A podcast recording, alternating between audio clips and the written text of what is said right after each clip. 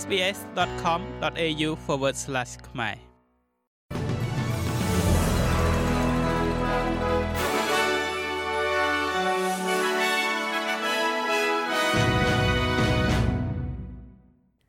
ចាសសូមស្វាគមន៍មកកាន់នេតិព័ត៌មានខ្លីៗរបស់ SBS ខ្មែរសម្រាប់ថ្ងៃច័ន្ទទី9ខែតុលា ឆ្នាំ2023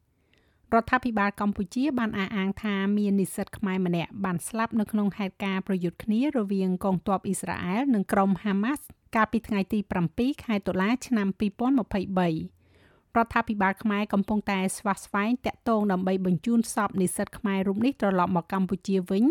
ហើយបើតាមសេចក្តីថ្លែងការណ៍របស់អង្គភាពអ្នកណែនាំពាក្យរាជរដ្ឋាភិបាលកម្ពុជាបានឲ្យដឹងថាមានពលរដ្ឋខ្មែរចំនួន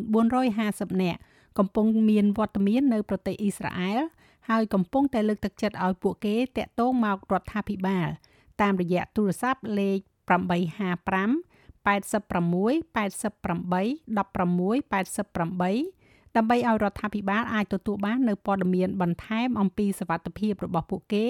និងជួយផ្ដល់ការសម្របសម្រួលឲ្យបានទាន់ពេលវេលានៅក្នុងករណីចាំបាច់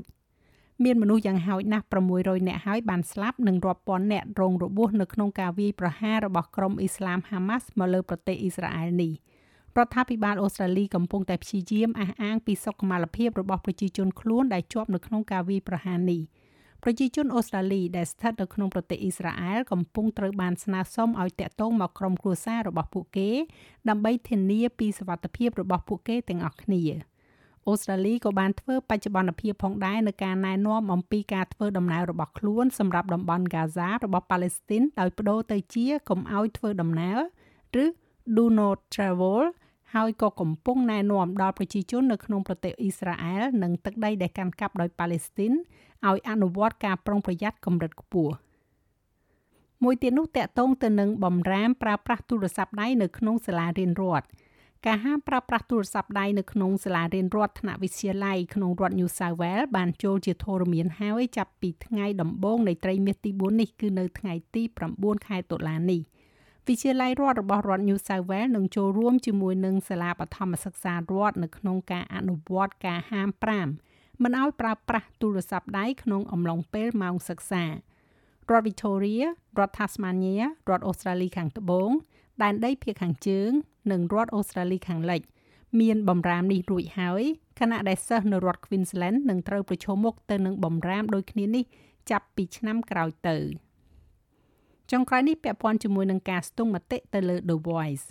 ប្រជាជនអូស្ត្រាលីជាង2លាននាក់បានទៅបោះឆ្នោតប្រជាមតិរួចហើយសម្រាប់សម្លេងជនជាតិដើមភាគតិចទៅកាន់សភាការស្ទង់មតិចំនួន2ដែលចេញផ្សាយកាលពីថ្ងៃអាទិត្យម្សិលមិញនេះបានបង្ហាញថា យុទ្ធនាការ No នៅតែនាំមុខខណៈដែលនៅសល់តែមួយសប្តាហ៍ទៀតប៉ុណ្ណោះពីថ្ងៃបោះឆ្នោតប្រជាមតិបើទោះបីជាមានការស្ទង់មតិមួយបង្ហាញពីការកើនឡើងតិចតួចក្នុងការគ្រប់គ្រងសម្រាប់ការបោះឆ្នោត Yes នៅក្នុងខែមុននេះក៏ដោយ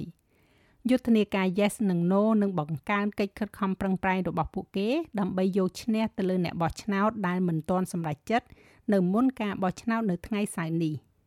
ហើយលោកអ្នកអាចស្វែងរកព័ត៌មានដ៏ទូលំទូលាយអំពីការធ្វើប្រជាមតិដោយចូលទៅកាន់ SBS Voice Referendum Portal តាមរយៈ www.sbs.com.au/voicereferendum